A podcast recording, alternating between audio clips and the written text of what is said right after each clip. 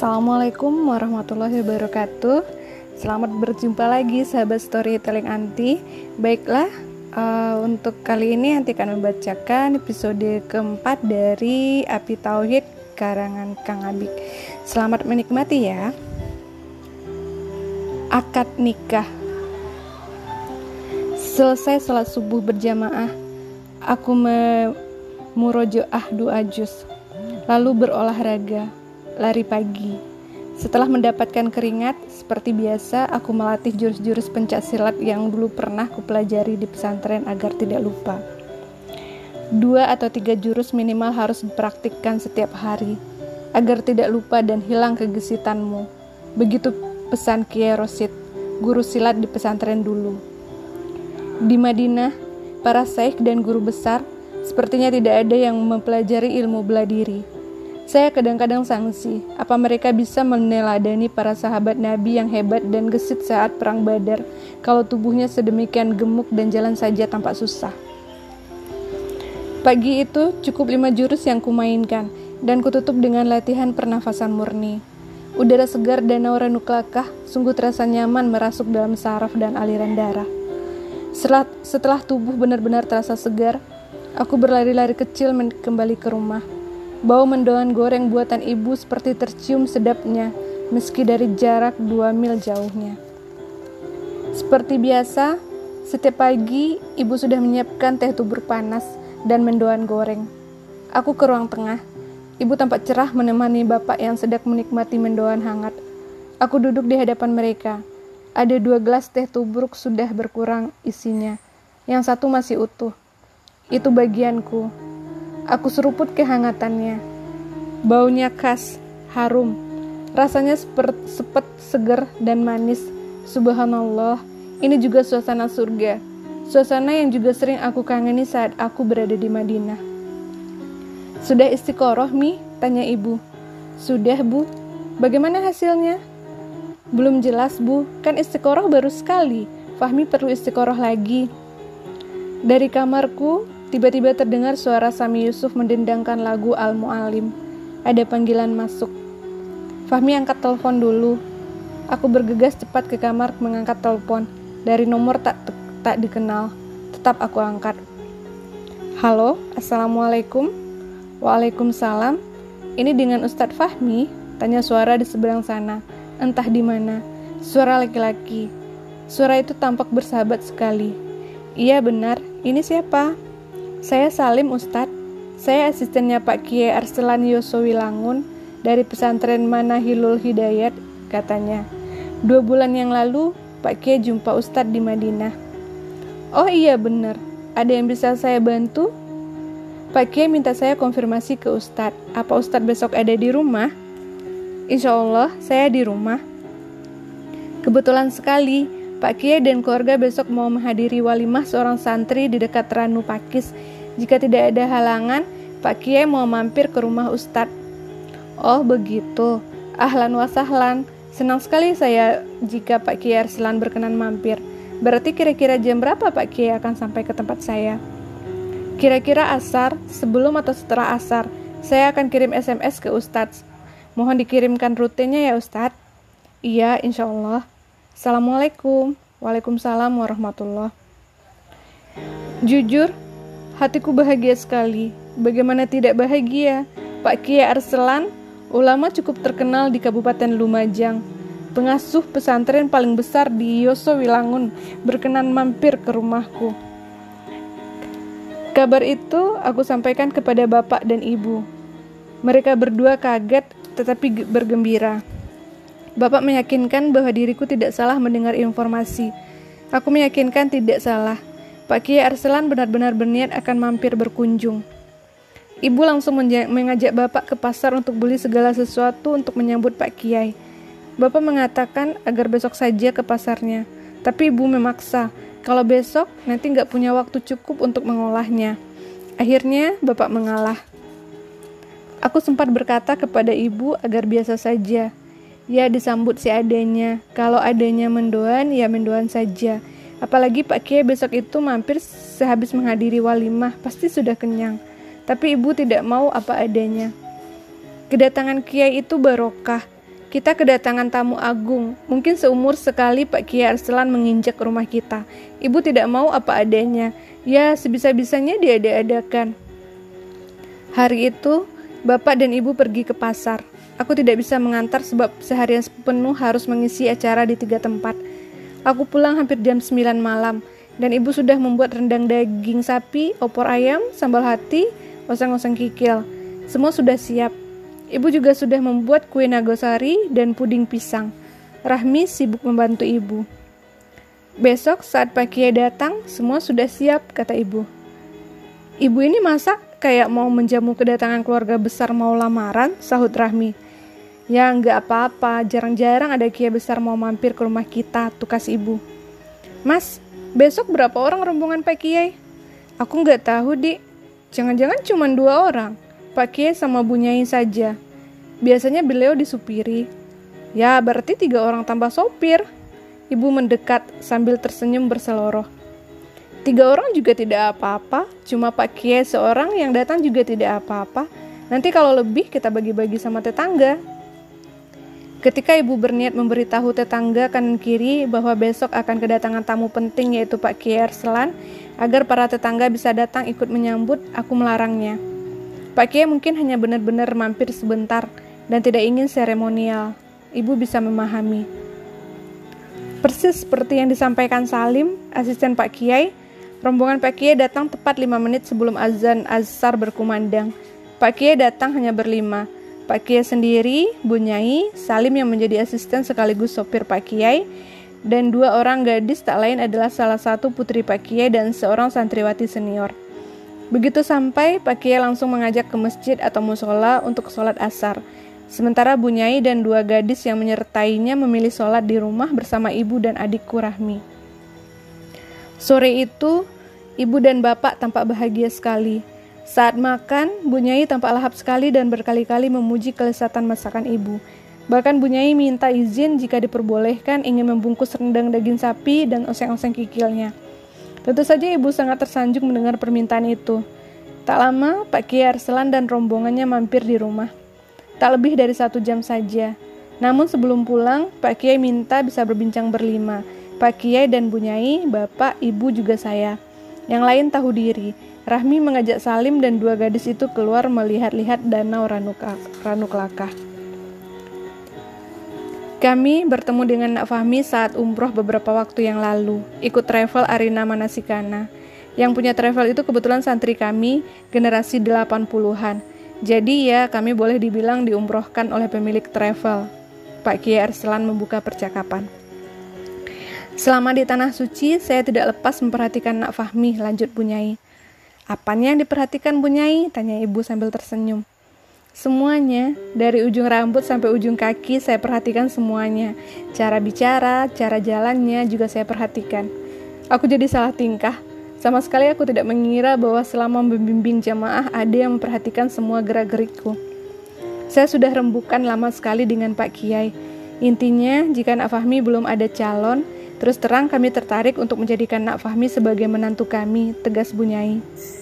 Tak ayal, aku terkejut bukan main. Demikian juga bapak dan ibu.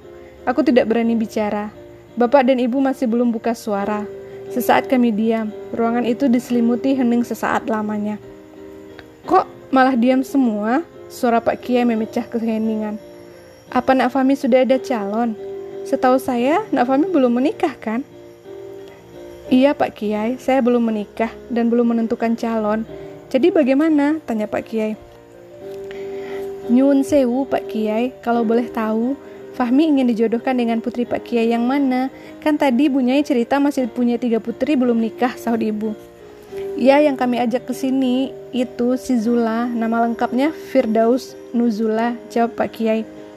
Fahmi tadi sempat lihat Zula kan, Wong sempat berbincang ringan tadi saya lihat, lanjut Pak Kiai sambil tersenyum. Aku jadi malu. Memang tadi gadis bernama Nuzula itu sempat tanya apa sudah selesai kuliah di Madinah. Aku jawab S1 sudah selesai, sekarang sedang menempuh S2. Bunyai kemudian panjang lebar menjelaskan apa rencana dia untuk putrinya bernama Firdaus Nuzula itu. Bunyai bercerita, Nuzula baru semester 4 kuliah program studi kesehatan masyarakat UIN Jakarta. Jadi masih dua tahun lagi selesai kuliah. Bunyai ingin Nuzula berumah tangga dalam arti sesungguhnya setelah lulus kuliah. Tetapi ia juga ingin secepatnya menikahkan Nuzula begitu menemukan sosok calon suami yang menurutnya layak. Dan Bunyai merasa menemukan hal itu pada diriku. Bunyai dan Pak Kiai ternyata juga sudah sowan ke pesantren tempat aku belajar dulu sebelum ke Madinah dan mendapatkan informasi yang lengkap tentang diriku. Hal itu semakin membuat mereka mantap. Karena sudah merasa sangat mantap, maka Bunyai dan Pak Kiai ingin Nuzula menikah denganku secara siri dulu. Jadi secara syariat sudah suami istri, tapi dengan perjanjian selama Nuzula belum selesai kuliah, belum boleh bercampur layaknya suami istri. Baru nanti ketika Nuzula sudah lulus kuliah, diresmikan secara besar-besaran dan boleh hidup layaknya orang berumah tangga. Kalau memang serius menikah, kenapa harus siri? Tanyaku. Nuzula masih malu diketahui teman-temannya sudah menikah, jawab Bunyai. Berarti Nuzula belum siap. Benar itu, kan tadi saya sudah jelaskan, Nak Fahmi. Saya yang punya inisiatif segera menikahkan dia. Itu jujur untuk menjaga dia. Dia hidup di Jakarta. Kalau dia merasa sudah punya suami, dia pasti lebih menjaga. Kalau dia sudah lulus, barulah hidup serumah, jelas Bunyai. Apalagi, Nak Fahmi kan juga masih kuliah di Madinah. Jadi sama-sama menyelesaikan kuliah dulu lah. Jadi nikah siri dulu. Sudah sah sebagai suami istri tapi hidupnya sementara pisah. Yang satu di Jakarta, yang satunya di Madinah. Nanti kalau ada rezeki kami ajak Nuzula umroh, Nafami boleh menggandeng tangan Nuzula di Jabal Rahmah. Hehehe, tambah Pak Kiai disambut senyum ibu dan bapak. Apa Nuzula mau menerimaku?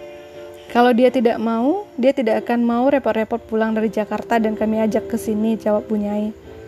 Jangan dijawab sekarang. Silakan, Nak Fami pikir-pikir sebelum balik lagi ke Madinah, tolong kami dikabari seperti apa keputusannya, kata Pak Kiai bijak. Saya tidak tahu seperti apa perasaanku saat itu. Apakah senang dan bahagia, kaget dan mendapat kejutan tak terduga? Apakah justru cemas dan khawatir? Sebab jika memilih putri seorang kiai, apakah justru tidak memikul beban berat, ataukah bingung? Sebab tentang Nurjanah belum juga jelas.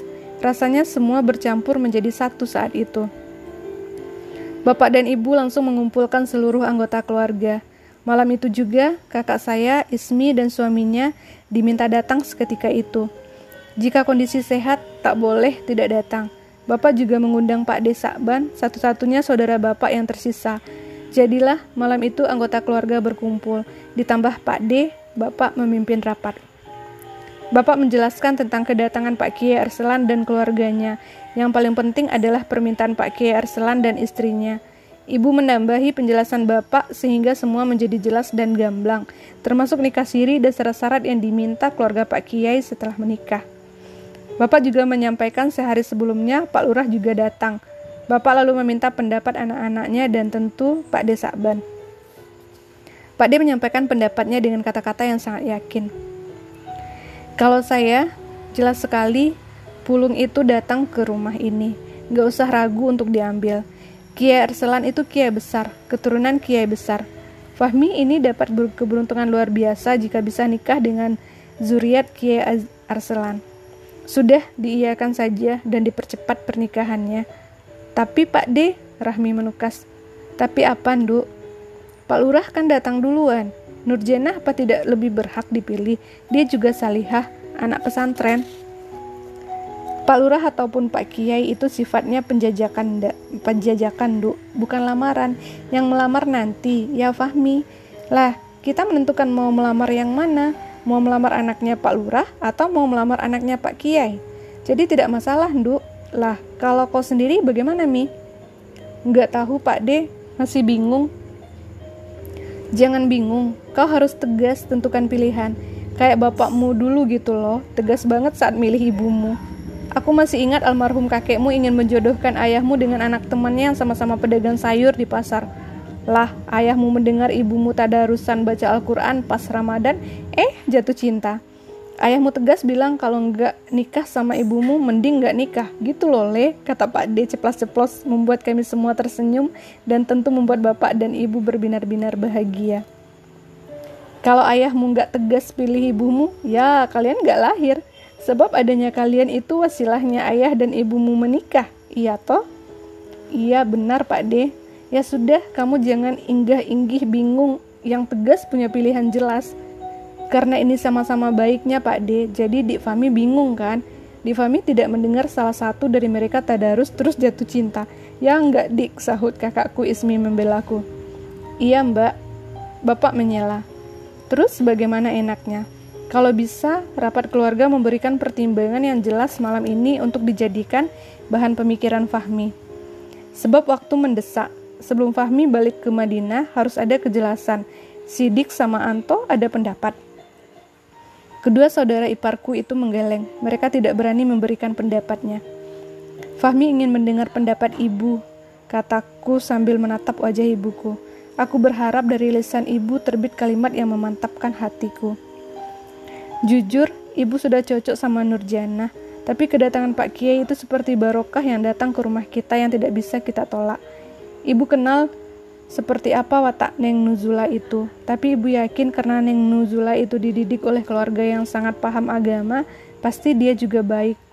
Jadi, anggap saja Nurjanah dan Nuzula sama-sama baik. Dan ibu lihat juga sama-sama cantik. Masing-masing punya kelebihan, maka ibu tidak bisa menolak bahwa secara nasab Nuzula bernasab singa. Jadi, ibu condong memilih Nuzula. Ibu hanya melihat belum tentu kesempatan besar seperti ini akan datang kepadamu dan hinggap di keluarga kita dua kali. Semua mengganggu tanda setuju dengan perkataan ibu. Kalau bapak, intinya bapak sama dengan ibumu. Nurjanah dan keluarganya itu ibarat bulan purnama yang bersinar terang. Dia purnamanya desa ini. Pak Lurah orang paling terpandang di desa ini. Tapi Ki Arselan dan keluarganya itu seumpama matahari. Kalau matahari datang, cahaya bintang dan terang purnama tenggelam, jawab bapak.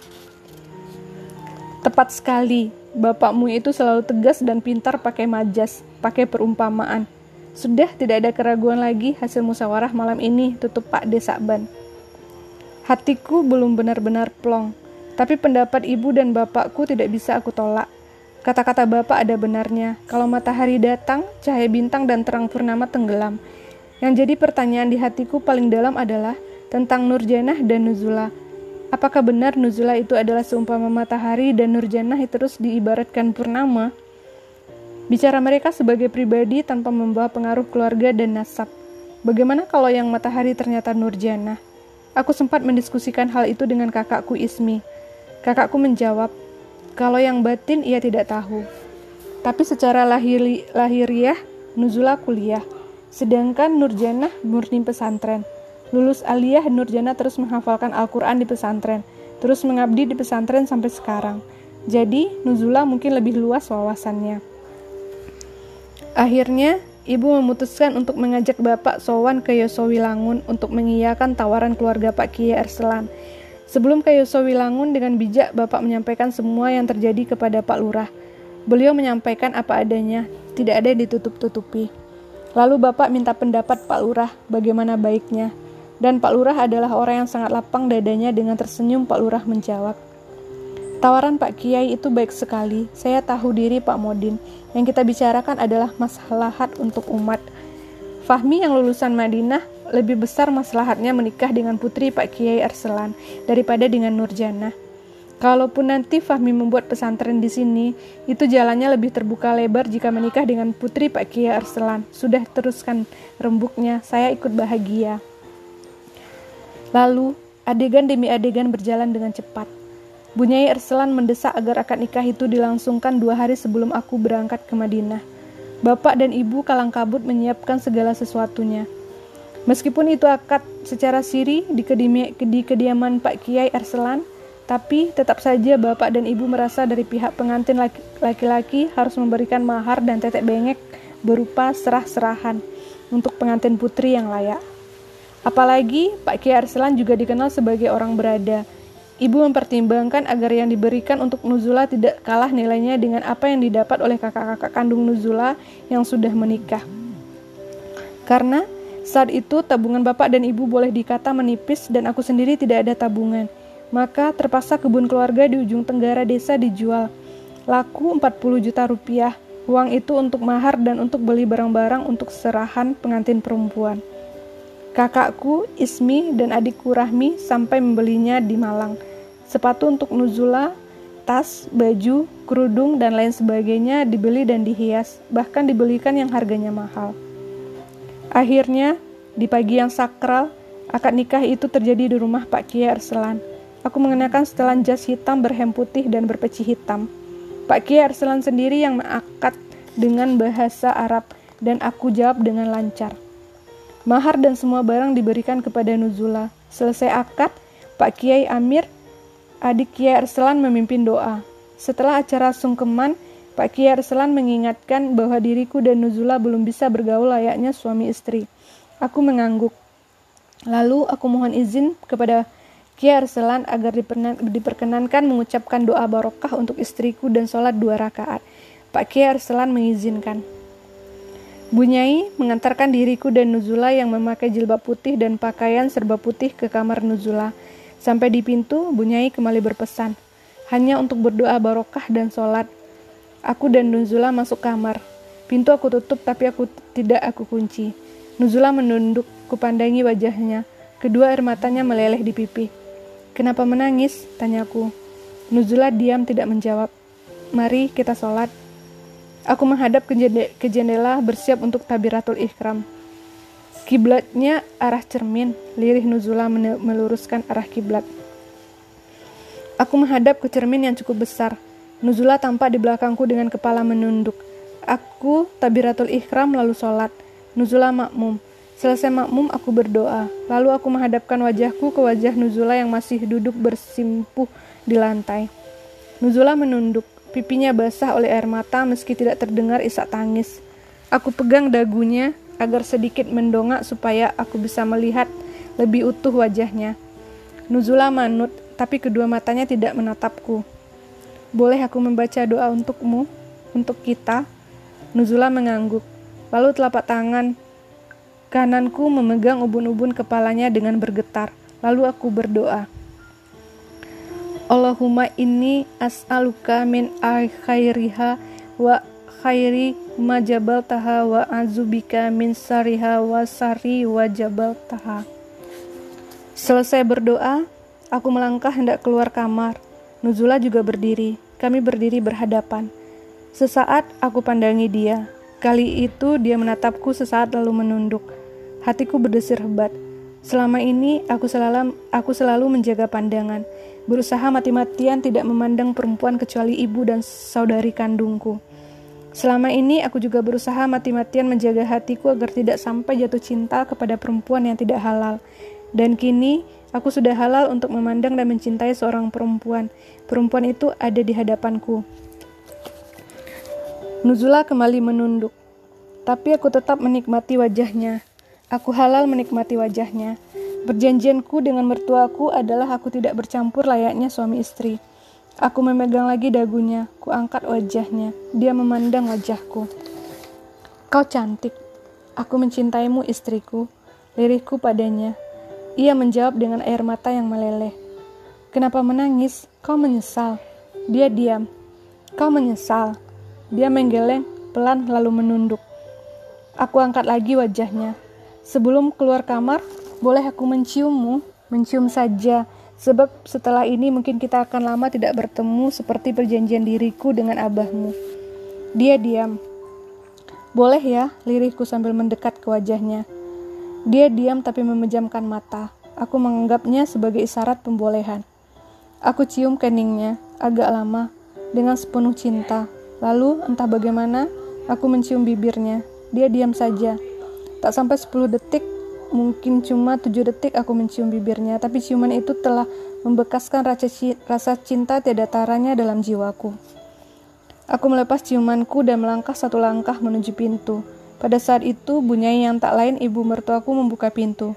Kalau terlambat tiga detik saja beliau akan melihat adegan itu. Sudah selesai sholatnya. Kami mengangguk. Kami keluar lalu beramah tamah.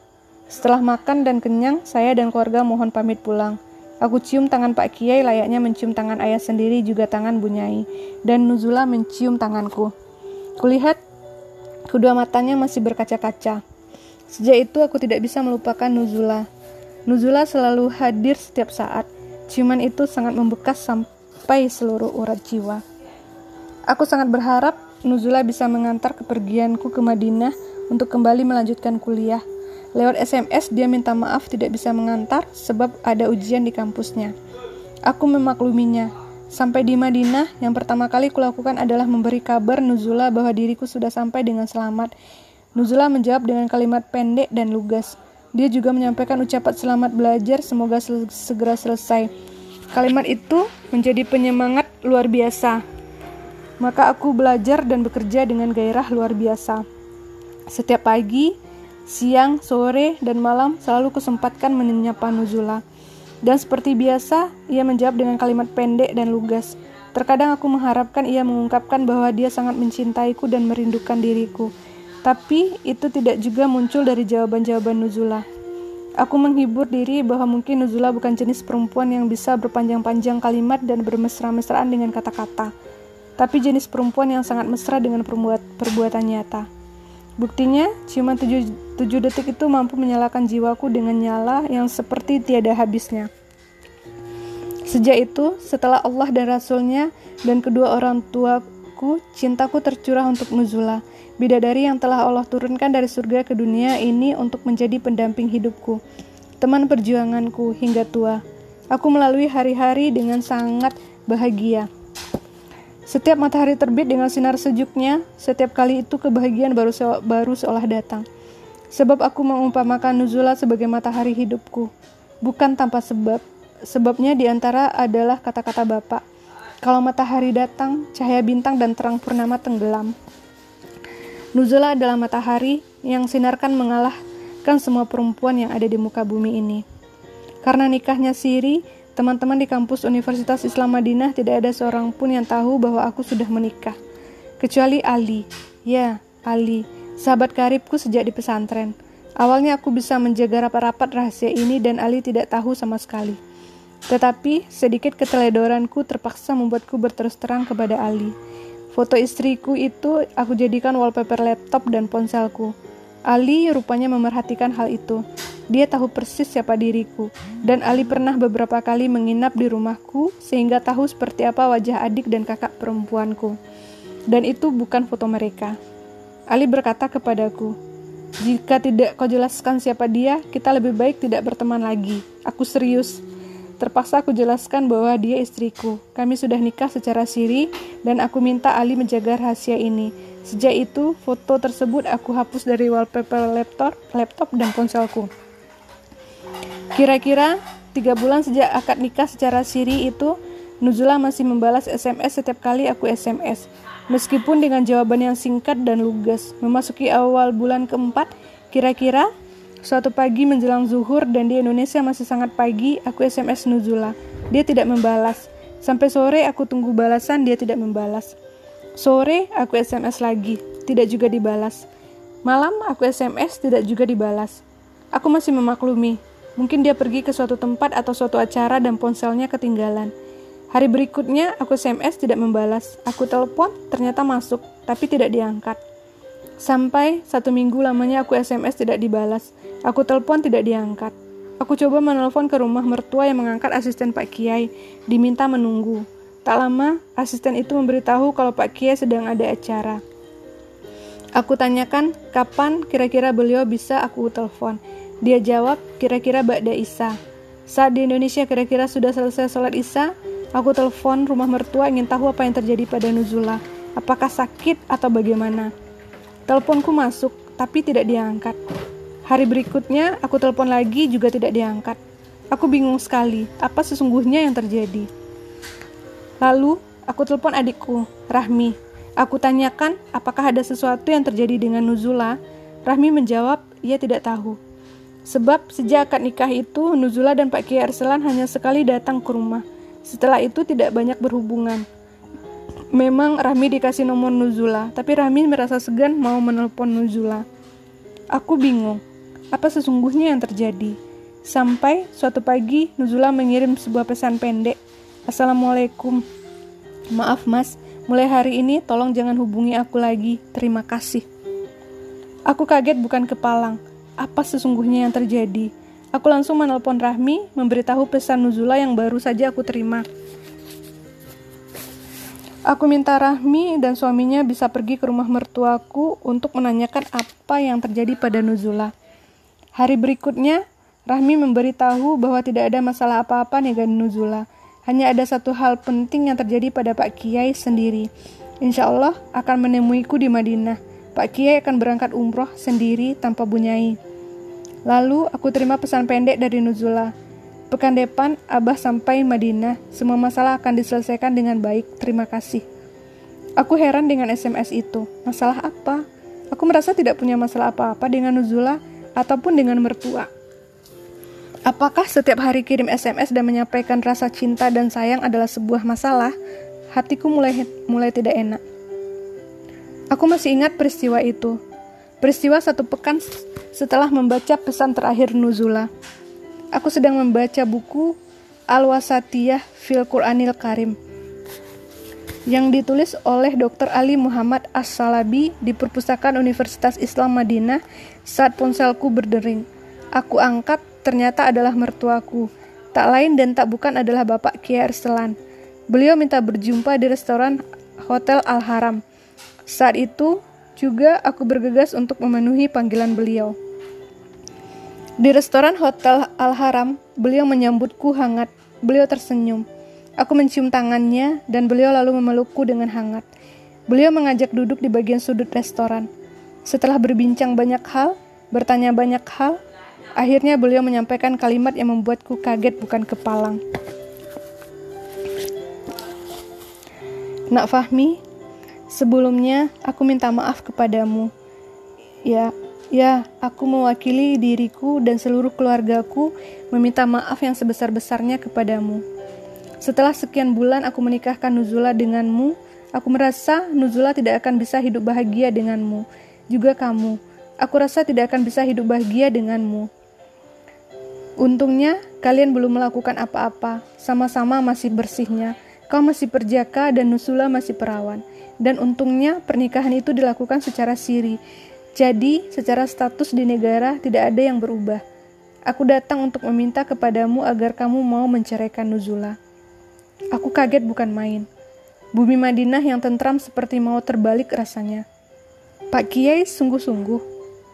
Aku sungguh-sungguh. Aku serius. Sama seriusnya ketika aku mengangkat dirimu.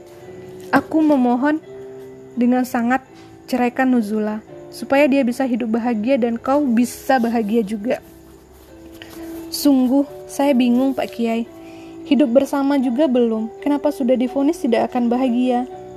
Aku lebih tahu Nuzula daripada dirimu, nak Fahmi. Pak Kiai, ketika saya menerima permintaan itu, dan mohon Pak Kiai berkenan mengingat, bukan saya yang pertama datang ke dalam Pak Kiai, tapi Pak Kiai dan Bunyai yang mampir ke rumah saya dan menawarkan Nuzula. Lalu terjadi kesepakatan. Saat akad nikah itu, saya menikah bukan untuk niatan main-main, saya nikah untuk ibadah, Pak Kiai, bukan untuk hari ini nikah, terus empat bulan berikutnya cerai.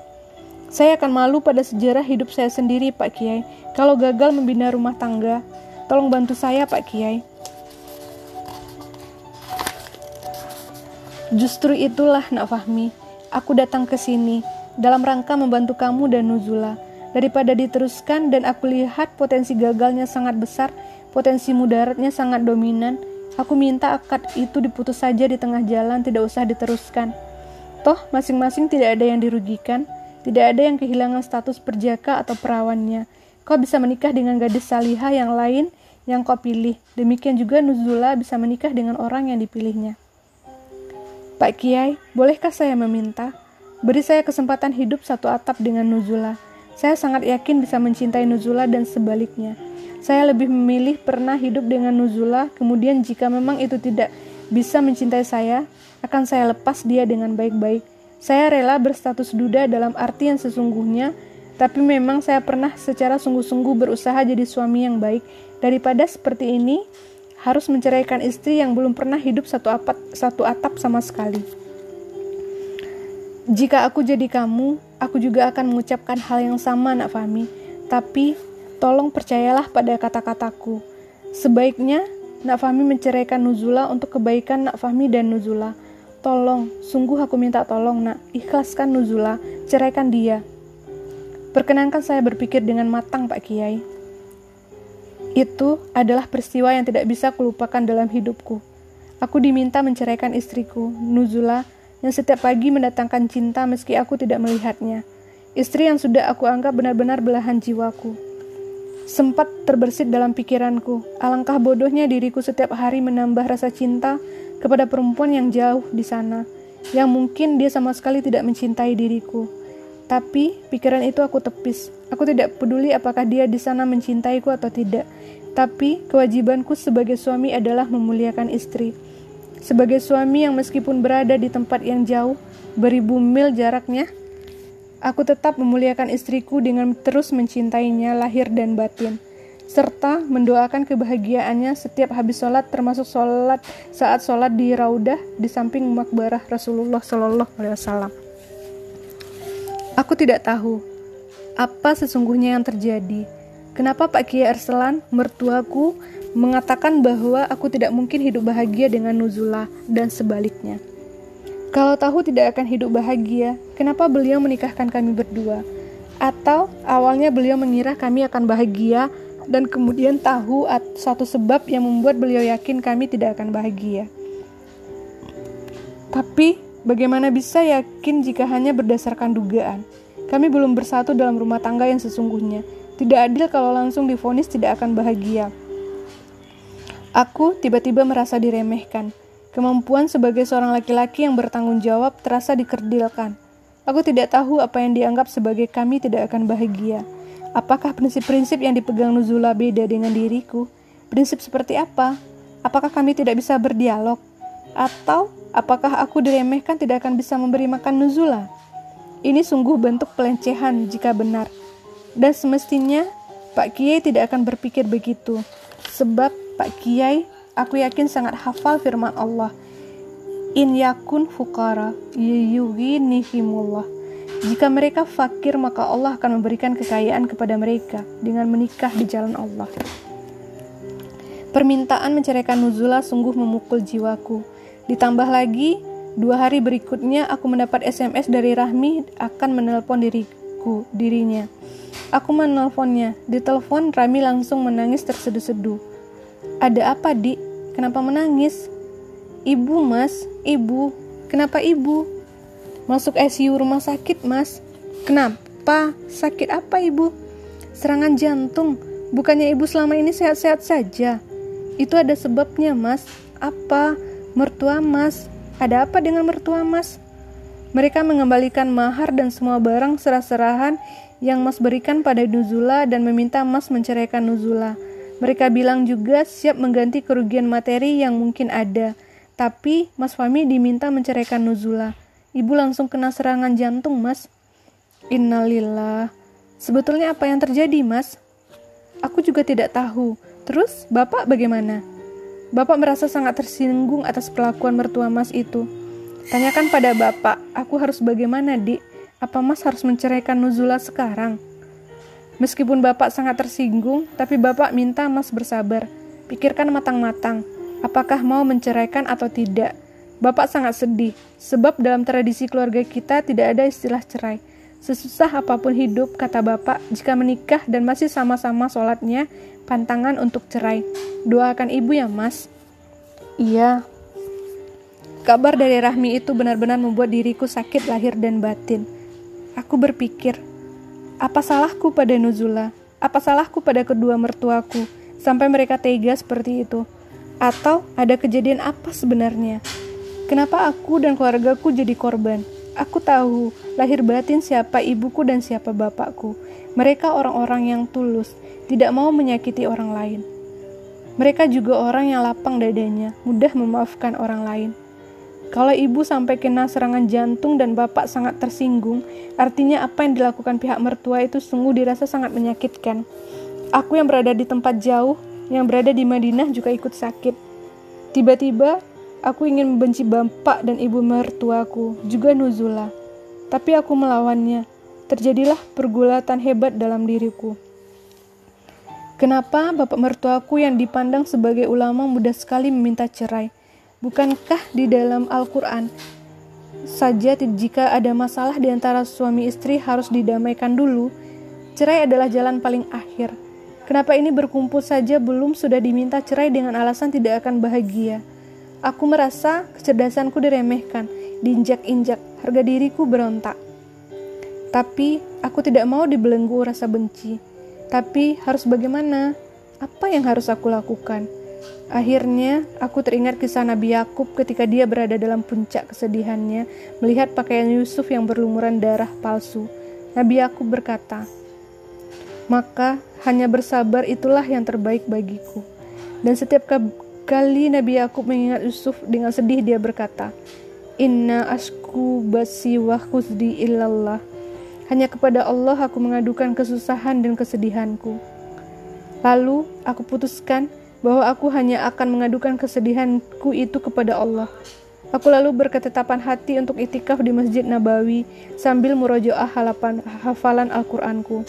Dan aku berketetapan hati tidak akan membatalkan itikafku kecuali aku sudah menghatamkan Al-Quran 40 kali dengan hafalan. Dengan itu, aku berharap melupakan Nuzula, melupakan ciuman tujuh detik ke bibir Nuzula, dan jika memang aku harus melepas nuzula, aku melepasnya dengan dada yang lega. Jadilah aku itikaf dengan kesedihan jiwa tiada tara, tapi aku lawan dengan hafalan Al-Qur'anku. Aku ingin melawan cahaya cintaku yang suci pada istriku yang telah ter terpatri dengan cahaya cinta yang lebih agung, yaitu cahaya cinta pada ilahi. Dan yakin aku akan mampu menghatamkan 40 kali kataman. Dulu, Kiai Munawir Kapriak juga berhasil mengkatamkan 40 kali kataman. Dan sungguh, di luar dugaan, jika aku akhirnya harus tersungkur dan dirawat di rumah sakit pada hari ke-15 itikafku di Masjid Nabawi. Padahal, kesedihan jiwaku belum benar-benar sirna. Aku jadi merepotkan teman-teman terbaikku, Ali, Hamzah, Subki, Azim, dan lainnya. Setelah dengan penuh kasih sayang mereka menemani, menemaniku, merawatku di rumah sakit, mereka masih sangat perhatian padaku dan merawat serta memanjakan diriku saat aku sudah harus kembali ke asrama setelah keluar dari rumah sakit. Aku merasakan indahnya uhwa fillah, persaudaraan di jalan Allah. Ada setetes penawar dalam luka jiwa yang belum sembuh. Cuman tujuh, tujuh detik itu masih sering membayang. Aku bersyukur bahwa itu adalah ciuman yang halal, bukan ciuman yang haram. Bibir dan mulut Nuzula terasa manis. Benarlah sabda Rasulullah Shallallahu Alaihi Wasallam agar kalau menikah memilih seorang gadis karena keistimewaan gadis itu bahwa mulutnya masih wangi dan segar dan mulutnya terasa manis. Ada banyak penafsiran tentang manisnya mulut gadis. Di antaranya para gadis lebih banyak ridanya pada suaminya sehingga kalau berbicara baik-baik, ia tidak punya pengalaman hidup dengan suami sebelumnya jadi tidak membanding-bandingkan. Ada yang menafsirkan begitu, ada yang memaknai apa adanya. Memang mulutnya terasa manis, dan aku telah membuktikannya. Hanya yang sudah menikah yang benar-benar bisa membuktikan hadis itu. Dan aku diminta untuk menceraikan Nuzula. Luka itu terasa kembali menganga. Musim dingin masih menyelimuti Madinah. Namun, matahari tetap bersinar cerah di sebuah gedung berlantai 10, sekitar 1 km sebelah utara Masjid Nabawi, tampak tiga orang mahasiswa sedang berbincang di sebuah kamar lantai 7. Mereka dua orang Indonesia dan satu orang Turki. Kau harus melupakan itu semua, Mi. Susah, Li. Dunia tidak selebar daun kelor, Mi. Atau, sana kau pergi ke Turki saja ikut Hamzah pulang kampung. Refreshing sana. Siapa tahu kau di sana berjumpa gadis Turki yang lebih cantik dan lebih salihah. Ali berusaha menghibur Fahmi. Ide yang bagus itu. Ayo, ikut aku saja. Aku akan berada di Turki tiga bulan. Ini pas musim di ujung dingin. Kau masih bisa lihat salju, dan nanti kau bisa lihat musim semi di Turki. Bunga-bunga tulip berbekaran indah sekali. Kau tidak perlu jauh-jauh ke Belanda untuk lihat bunga tulip. Kau juga bisa aku ajak keliling napak tilas sejarah hidup ulama besar Saih Badi Uzaman Nursi. Bagaimana? Sahut Hamzah. Siapa saja yang ikut? Aku sendirian. Tidak, Subki ikut. Kau tidak ikut, Li. Aku harus pulang ke tanah air, Mi. Selain urusan penelitian tesis, juga demi menghadiri pernikahan adik perempuanku. Hamzah, apakah kamu bisa lanjut kuliah di sana? Tanya Fahmi. Maksudmu? Kamu S3 di sana? Bisa sekali. Bukan, aku mungkin jenuh di sini. Ada banyak tempat yang membuatku teringat saat-saat menemani mertuaku. Itu membuatku jadi selalu teringat Nuzula. Kalau aku kerasan di sana, mungkin aku lanjut kuliah di sana saja. Program S2 di Madinah aku tinggalkan saja. Jangan begitu, Mi, kata Ali. Yang sabar, pergilah ke Turki, lihat dunia baru, dan kembalilah lagi ke, ke Madinah dengan pikiran yang fresh dan semangat yang baru. Kau suka kebab kan? Aku ajak kau makan kebab di tempat aslinya. Kau juga akan aku ajak lihat gunung Erciyes yang ada salju abadi di puncaknya. Kau selalu cerita indahnya danau di kampungmu. Coba nanti kau bandingkan dengan danau Barla. Indah mana? Bagaimana Fahmi? Tertarik? Kalau tertarik biar aku urus semuanya. Fahmi mengangguk. Baik, tiga hari lagi kita berangkat. Nanti setelah makan malam kita ke Bin Daud cari jaket dan perlengkapan musim dingin yang lebih tebal untukmu. Sebab di Turki masih turun salju. Kita ke Bin Daud yang dekat Masjid, Masjid Nabawi saja. Bagaimana? Baik, Subki? Ya, tentu kita ajak sekalian. Suara azan asar mengalun dari menara-menara masjid yang bertebaran di seluruh penjuru Madinah. Angin dingin berembus kencang seolah memenuhi panggilan azan. Pohon-pohon kurma bergoyang-goyang seumpama ribuan manusia yang mengangguk menjawab panggilan azan. Fahmi dan teman-temannya bergegas mengambil air wuduk untuk segera sembahyang. Baiklah, rekan-rekan sahabat storytelling anti, ini adalah pembacaan episode keempat. Jangan lupa ikuti terus ya. Nanti akan kita lanjutkan pembacaan episode kelima. Terima kasih. Assalamualaikum warahmatullahi wabarakatuh.